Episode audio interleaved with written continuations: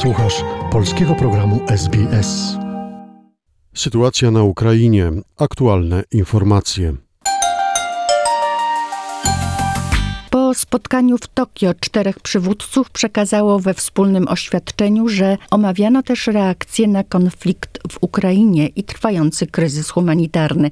W oświadczeniu nie padło słowo Rosja lub rosyjski ze względu na ustępstwa wobec Indii, które utrzymują bliskie kontakty z Moskwą.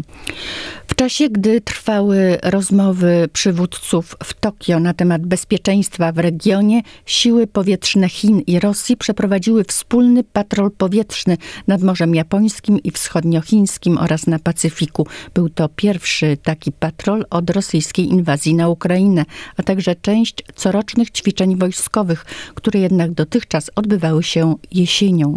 Według wywiadu amerykańskiego nadal nic nie wskazuje, aby Chiny udzielały Rosji materialnego wsparcia.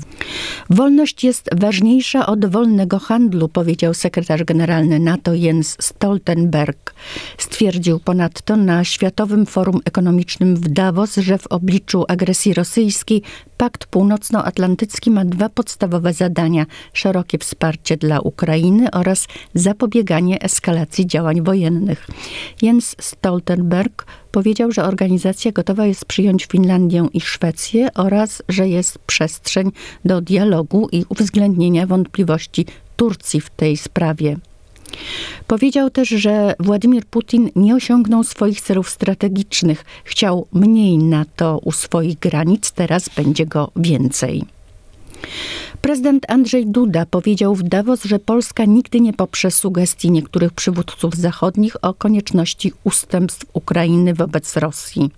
Podkreślił, że skutki trwającej wojny sięgają daleko poza Ukrainę i Europę i zapewnił, że Ukraina może liczyć na pełne wsparcie Polski. Ja się nie mogę zgodzić, jako także sąsiad Rosji, na to, by Rosja naruszała reguły prawa międzynarodowego po raz kolejny łamała, a świat na to przystawał. Ja się nie mogę godzić na to, żeby Rosja mordowała ludzi na Ukrainie, a świat udawał, że tego nie widzi, żeby nie zostały wyciągnięte konsekwencje wobec morderców.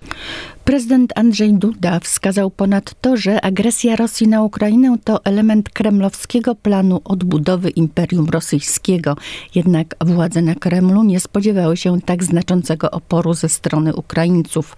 Podkreślił, że solidarne wsparcie narodu walczącego o wolność jest wspólną sprawą całego świata, który jest zagrożony planami dalszej ekspansji Rosji. Rozpoczęła się 91. doba wojny w Ukrainie. Najcięższe walki toczą się teraz na terenie obwodów Ługańskiego, Donieckiego, Hersońskiego i Zaporowskiego, poinformował rzecznik Ministerstwa Obrony Ukrainy.